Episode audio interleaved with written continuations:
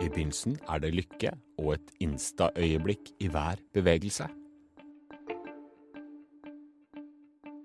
Så starter hverdagen, og sakte går det opp for deg at du ikke lenger er sjef i eget liv. Det er noen som trenger deg non-stop hele tiden, og du kan ikke drikke øl med gjengen, og du må bruke helgene til å hente deg inn foran TV, og du finner ikke lommene for å trene eller gjøre dine favorittfritidsaktiviteter.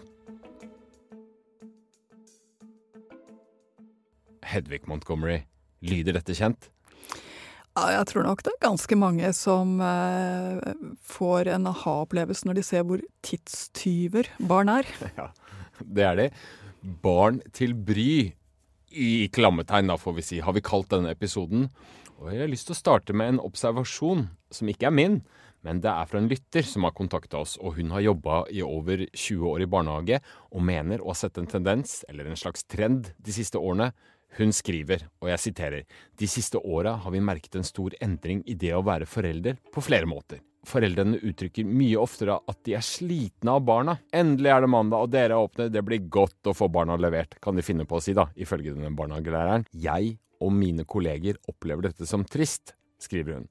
Hva gjør du med barna nå og på sikt, og alltid føle at de er litt i veien for foreldrene sitt liv? Kjenner du igjen et sånn type hjertesukk, for å kalle det det? Ja, litt. Eh, selv om jeg nok tenker at hun drar det litt langt også. Ok. Eh, fordi jeg tror nok at disse barna føler seg elsket på andre tidspunkter enn den mandag morgenen. Ja. Eh, så jeg tror ikke vi skal fryse fast det øyeblikket fullstendig. Men allikevel, hun er absolutt inne på noen ting. Mhm. Og hva er hun inne på? Jeg tror at det har skjedd noen ting med foreldrerollen i løpet av de siste kanskje 10-15 årene. Mm. Som er litt bare om foreldrerollen, men også litt om resten av samfunnet. Det ene det er at jeg tror det er ganske mange flere som får barn i dag uten å ha vært i nærheten av så mange barn før de selv får det. Ja. Før så, så sørget jo på en måte storfamilien eller samfunnet rett og slett for at du hadde jo passa barn eller sett barn eller holdt barn før du fikk ditt eget. Mange holder faktisk en baby for første gang Mm. når de har født den. Så, så den der kunnskapen i hendene om at uh, hvor, hvor mye opp og ned det går, og hvor mye du må passe på, om hvor mye du må være nedpå knærne, den er det nok mange som ikke har kjent på før barnet kommer. Og det er klart, da blir det jo nesten en liten skuffelse, fordi på bilder så får man jo ikke den følelsen. Nei, det ikke det. Det ser litt annerledes ut der. Så, så det, jeg tror det har noen ting med, med samfunnsstrukturen å gjøre, familiestrukturen å gjøre. Så tror jeg også det har noen ting med at forventningene i samfunnet i dag til at det skal være bra, er veldig høye. Ja. Eh, vi har Man skal ikke bli sliten av å jobbe, helst. Hvis du blir sliten av jobben din, så er det noe galt. Eh, høres det noen ganger ut som.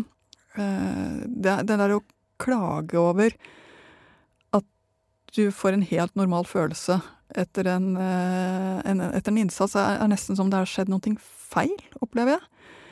Um, og helst skal man aldri bli syk. Hvis noen blir syk, så er det noen som har gjort noe feil. Da er det noe galt. Og i hvert fall hvis det blir alvorlig, da må det fikses. Altså, vi har fått en annen tilnærming til, til livet eh, om at det skal være fint. Mm. Eh, og så har jo det også spredt seg over til foreldrerollen, i den forstand at vi vil at barna våre skal ha det fint også. De skal ikke være lei seg, de skal slippe å oppleve skuffelser. De skal eh, ikke ha det sånn som de har det når de raser.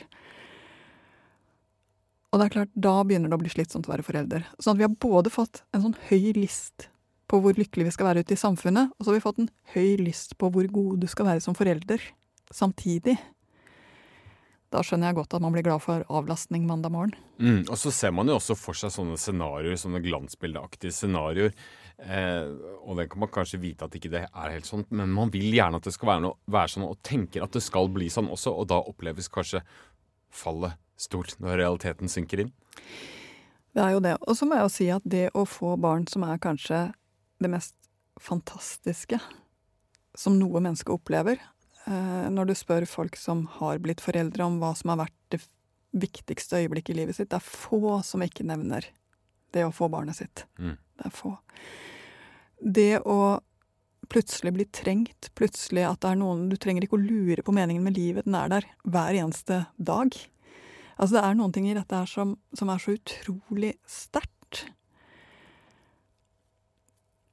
Men som også gjør at livet Vi blir kjent med nye sider med oss selv. Vi blir kjent med nye sider ved partneren vår. Hvordan reagerer hun eller han på at denne nye kraften av magneten kommer inn i familien? Så det er jo også en ganske kraftfull omstilling. Jeg eh, personlig kan ta meg selv i å, å synes fælt synd på meg selv. Eh, når alt blir litt sånn vanskelig og uffe og akke og, og du har en forventning om at barna skal reagere sånn og slik fordi du gir dem det og det. Og så kommer ikke det, så blir du skuffa, og så, og så, ah, og så åh, sånne ting. Hva skjer med barna når de hører sånne ting? Altså sånne små utfall. Og kroppsspråk, da. Jeg må bare si at jeg tror jo barna blir litt vant til livet sånn som det er. Eh, og de blir jo skuffa og lei seg innimellom, eh, og har ikke lært seg at det er så feil, kanskje, som du har. Så jeg vet ikke hvor, hvor mye de gjør med barna. Nei. Men barn trenger å få lov til å bli kjent med seg selv, få lov til å finne sin måte å gjøre ting på. De trenger plass til å bruke seg selv. Og da kan de ikke bli så vingeklippet som det du blir, som at alt du gjør, blir feil. Mm. Eh, Sånn at den store faren ved dette her er rett og slett at ja, men da går det fortere at jeg gjør det. Ja, men da knytter jeg skolissene dine. Ja, men da lager jeg det. Ja, men da fikser jeg det. Fordi du, den voksne jo alltid gjør allting bedre. Og da blir det ikke plass for barnet til å føle at jeg kan. Og jeg kan Mm. er en nøkkelfølelse som barn trenger å få frem. Mm. Jeg kan få til. Se! Det er noe av det barna først på en måte både uttrykker se. Mm. Fordi de trenger å bli sett for det de får til, for det de plutselig sprenger en barriere for. Blir du for sånn åh, ikke nå igjen, ja ja, men ok, men da får jeg gjøre det, da. Altså blir du der, Mm. så gir du ikke barna plass til å strekke seg inn mot at de kan, og at de får til selv. Og da vil du få barn som faktisk ikke får så godt til. Som hvis for eksempel eh, et eh, barn, eh, type fire eller fem år, sier eh, at vil at vi skal se på den fine tegningen hun har lagd for hundrede gang den uka, Mm. og du er litt sånn OK, men nå må Og det er altså en sånn generaltabbe, da, da, eller? Nei, altså for hundrede gang så går det helt sikkert fint. Eh, og hvis det er sant at akkurat nå kan jeg ikke, så går det også helt fint. Ja. Men hvis det er noe du gjør ofte, Ja. hvis det blir melodien, eh, at ja ja, ok, men jeg får, jeg får gjøre det, da. Eh, hvis du blir ja, Hvis du kjenner det eventyret med høna og pannekaken. Ja. Hvis du liksom blir den lille høna hele tiden, som bærer allting selv og, og syns at alle andre er håpløse, da blir du ikke så hyggelig å være sammen med. Rett og slett. Litt tilbake til den henvendelsen fra denne eh, barnehagelæreren. Hun eh, skriver at eh, hennes oppfatning da, er at eh, foresatte, som hun skriver, har endra seg mye. Før var det liksom greit. Eh, og, at, de var innforstått med at småbarnslivet var slitsomt.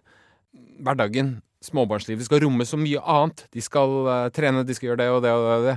Og er vi litt for opptatt av sånn selvrealisering og metime gjennom et livsløp? Altså at vi alltid skal få plass og tid til det vi vil ha gjort? Altså Noe av det som er litt vanskelig, sånn som uh, samfunnet etter hvert har blitt, det er at alt skal skje i de ti årene mellom 30 og 40. Ja. Du skal finne partner, du skal få barn, du skal gjøre karriere, du skal holde kroppen ved like, du skal komme i form. Altså ingen grense for hvor mye som skal skje i de klemte årene mellom 30 og 40. Mm. Og så viser det seg jo at folk har god tid. Mye av dette kan du gjøre etter hvert, unntatt å få barn. Det er en av de få tingene vi har en tidsfrist for. Jeg tror jo hun er inne på noen ting når hun sier om at folk, de aller fleste av oss, blir jo pepra med forsider og gode råd og ting vi burde gjøre, eh, som, som kjennes ut som et krav. Mm. Eh, og som ikke gjør det lettere å konsentrere seg om det som er aller viktigst. Nemlig å gå ned på huk og si Hei, har det skjedd noe fint i barnehagen i dag? Ja. Eh, vi blir litt forvirra av alt det der som, som vi skal gjøre hele tiden. Så det betyr ikke at, det, at du skal gi opp hele resten av livet ditt i småbarnsfasen. Men det er i hvert fall en trøst å tenke at du kommer til å gjøre veldig veldig mye av det du ikke får gjort nå, Mm. senere. Og jeg må jo si, jeg husker godt med mitt første barn, hvor jeg plutselig sluttet å lese bøker. Jeg sluttet å Det virket som hodet mitt ikke fungerte lenger. Og jeg tenkte ok, men da er det sånn livet mitt har blitt, da. Og jeg var eh, 24. Eh, herfra og ut så er det bare lørdagsunderholdning på NRK som liksom er toppen av det jeg klarer å tenke meg til. Mm. Um, og så, måtte jeg, så tenkte jeg ja ja, så er det sånn der. Så viste det seg jo at det gikk et par-tre år, og så begynte faktisk hodet å fungere ganske godt igjen. Og kanskje enda bedre enn før. Mm, tror jeg. Ja, vet du hva? Jeg tror faktisk det. Fordi det er noen ting med det å få barn som gjør deg mye større, også intellektuelt, som gjør at du blir smartere, og som vi kanskje ikke snakker så mye om. Er det sant? Ja! Ja, Spiss ørene, for dette er gode nyheter, syns jeg høres ut som. ja jeg, jeg, fant faktisk litt grann trøst i gode, gamle Aristoteles, ja. apropos at uh, det ikke er så mye nytt under sola. Uh, for han sier at det er tre former for kunnskap. Ok. Og den første formen for kunnskap, det er den intellektuelle, den du leser deg til, den du lærer gjennom rett og slett forskning eh, gjennom eh, hva andre har eh, skrevet ned. Og så har du den praktiske kunnskapen, som er det du gjør med hendene dine, og som du kan øve opp.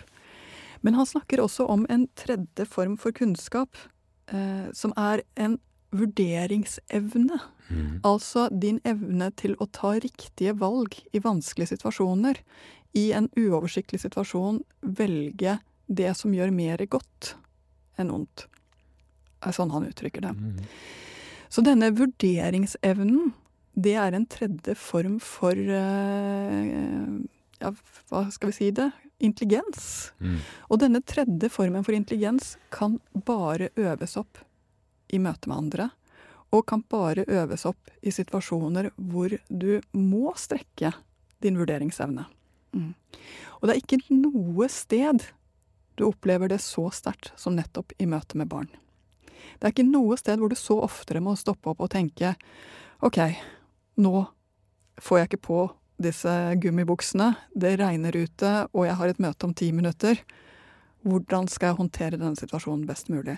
Disse bitte små mikroøyeblikkene som hver i seg ikke virker spesielt smarte eller spesielt intelligente, men de øver deg opp til å gjøre valg og se utfallet av dem.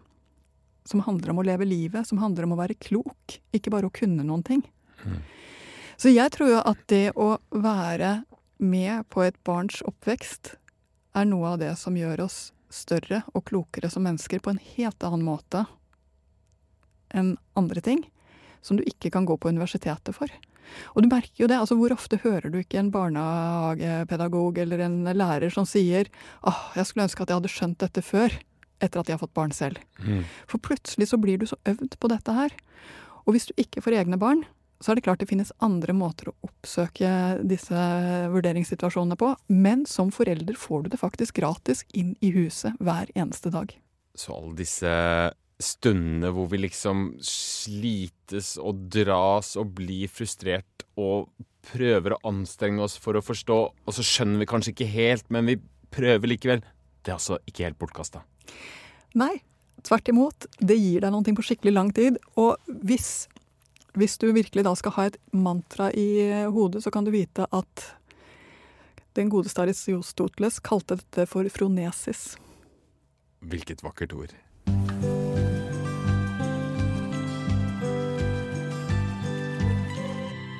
En sånn gjennomsyrende tendens, også relatert til det vi har snakka om her nå, føler jeg, er jo kanskje dette her med FOMO, altså fear of missing out. Man er så redd for å gå glipp av det som skjer nå, hva folk snakker om nå, og det er jo forferdelig slitsomt. Men det kan du si at her har vi hatt teknologien litt grann mot oss. Fordi det å oppdra barn er langsomt, mens smarttelefonen har gitt oss et Eller bygget opp et behov i oss for å bli distrahert hele tiden. Mhm. Det motsatte. Eh, Det å oppdra barn krever at du ikke blir distrahert hele tiden. Ja. Mens vi har fått en sånn liten gnaging inni oss om at jeg burde ha sett, jeg burde ha scrolla, jeg burde ha klikka, jeg burde ha lika, jeg burde ha Og som gjør at vi føler at vi slapper av når vi scroller, liker og, og ser på informasjon som egentlig er helt irrelevant. Jeg sitter ofte igjen på slutten av, av dagen og tenker ok, men hva fikk jeg igjen for den timen på telefonen i dag? Og jeg kunne like gjerne ha spist su sukkerspinn, altså ernæringsmessig. Det gir jo ingenting. Men denne indre på en måte uroen som, som all informasjon som vi hele tiden kan få, Ja. gir oss, gjør nok også at vi opplever det som vanskeligere å gå ned i øyenhøyde til et barn og bare håndtere akkurat det der og da. Men vi vet at for at hjernen skal fungere best mulig, så trenger den å fungere på ulike gir gjennom dagen. Og det å gå ned i øyenhøyde med et barn og løse akkurat det som skjer akkurat da, det er å få hjernen over på et annet gir, og igjen er med å sikre at du bruker hjernen din best mulig, orker mer, holder deg intellektuelt oppegående og kvikk i hodet lengre. Så det, tenk på det som en form for mindfulness. Mm. Det rett og slett hjelper deg til ikke å bli helt sprø av alt du kan scrolle på eller se på hele tiden. Mm. Og når man går ned i den øyehøyden din, og merker at man får kontakt, og at det kanskje eh, noe klikker inn Det er jo et lite sånn streif av lykke, det òg. Det er kanskje den største lykken man kan oppleve.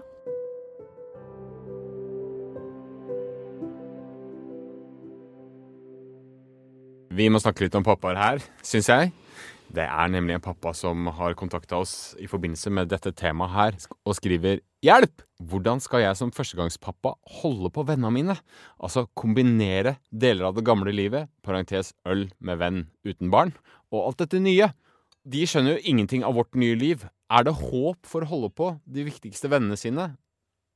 Og det er jo et godt poeng, for det er ordentlig vanskelig. Altså, dette er en balansegang. Fordi for at barn skal ha det godt, så er det én ting det du gjør med dem, og det du gjør nettopp når du sitter nede på huk. Men det andre er at barn trenger jo også å se et voksenliv de får lyst til å leve. Ja.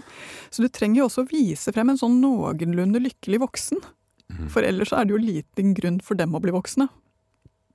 Så det å holde på noe som gjør at du kjenner at hjertet slår, og at du eh, har lyst til å leve ditt eget liv, gjør faktisk også at barnets hjerte slår, og at de får lyst til å bli store.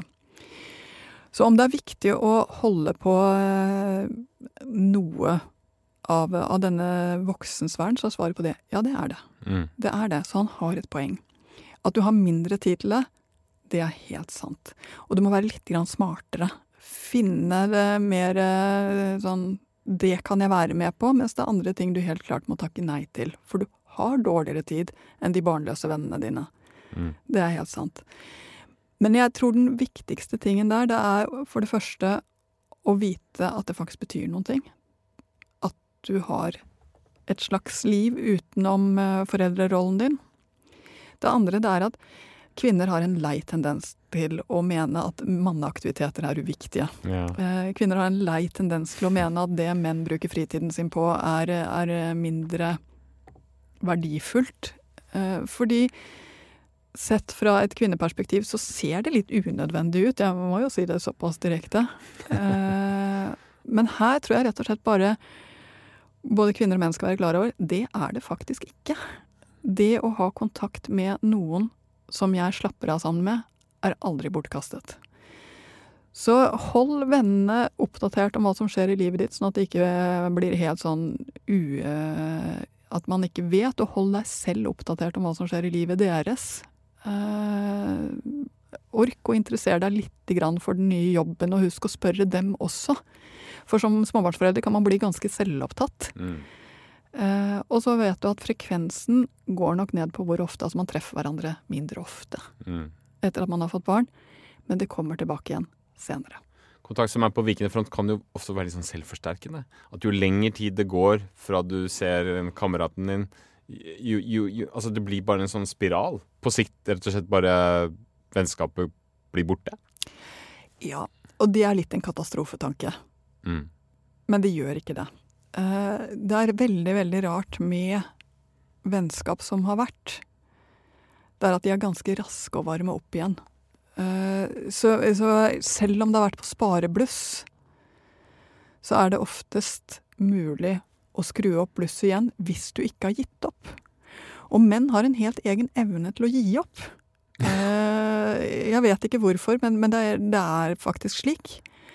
Eh, så til alle menn som hører på, har jeg bare én ting å si. Ikke tenk at du ikke kan skru opp blusset, for det kan du faktisk. Note to self.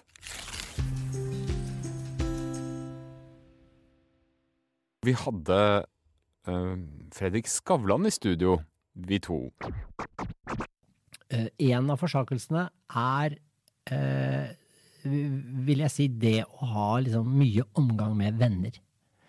jeg har ikke mange middagsselskaper. Jeg har ikke Jeg er aldri på guttetur, så å si. Jeg har liksom ikke opplevd i voksen alder omtrent. Et par ganger, altså virkelig. Eh, jeg spiller ikke golf. Eh, jeg, jeg eh, er ikke jeg drar ikke på cruise. Jeg gjør ikke sånne ting som folk begynner å gjøre når de kommer i min alder, i hvert fall noen. Og, og jeg, jeg, gjør ikke Og jeg har, jeg har, i det hele tatt veldig lite hobbies. Jeg gjør ikke sånne ting. Så, det, så liksom noe har man bare valgt bort. Hvis du deler opp livet i tre, da, hvis du sier at det er jobb, familie og fritid, Uh, ikke sant? Uh, som er liksom forpliktelser med jobb, forpliktelser med familie, og så er det fritid. Metime, som det kalles. Det er ganske lite metime, da. Og på en måte er det litt oppløftende å høre for en som føler seg litt fanga i hjulet selv. På en annen side, en dag så forsvinner jo barna ut av redet. Og hvor ble alle vennene av da, hvis du bare har brukt tid på disse barna fordi du kanskje trives med det, da, og føler at det egentlig er det som opprettholder livsgnist og, og godfølelse?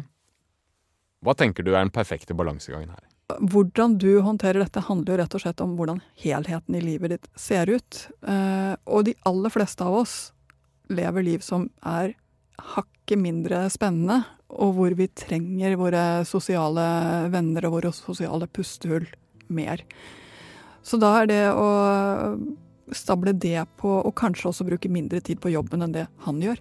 Så det å finne denne balansen, det må jo hver og en gjøre ut ifra sin miks. Men han har helt rett i én ting. Det kommer bedre tider. Det kommer bedre tider, og det må du aldri glemme. Eh, vi runder av der vi og sier tusen takk for at du hørte på. Vi er tilbake med en ny episode neste mandag. Og husk på at i eh, Podme eller Aftenpostens app så finner du alltid en rikholdig meny av eh, tidligere Foreldrekoden-episoder. Vi har lagd over 100 stykker om diverse temaer, så det er jo bare å abonnere hvis ikke du gjør det fra før. Vi ønsker deg en deilig uke. Ha det bra.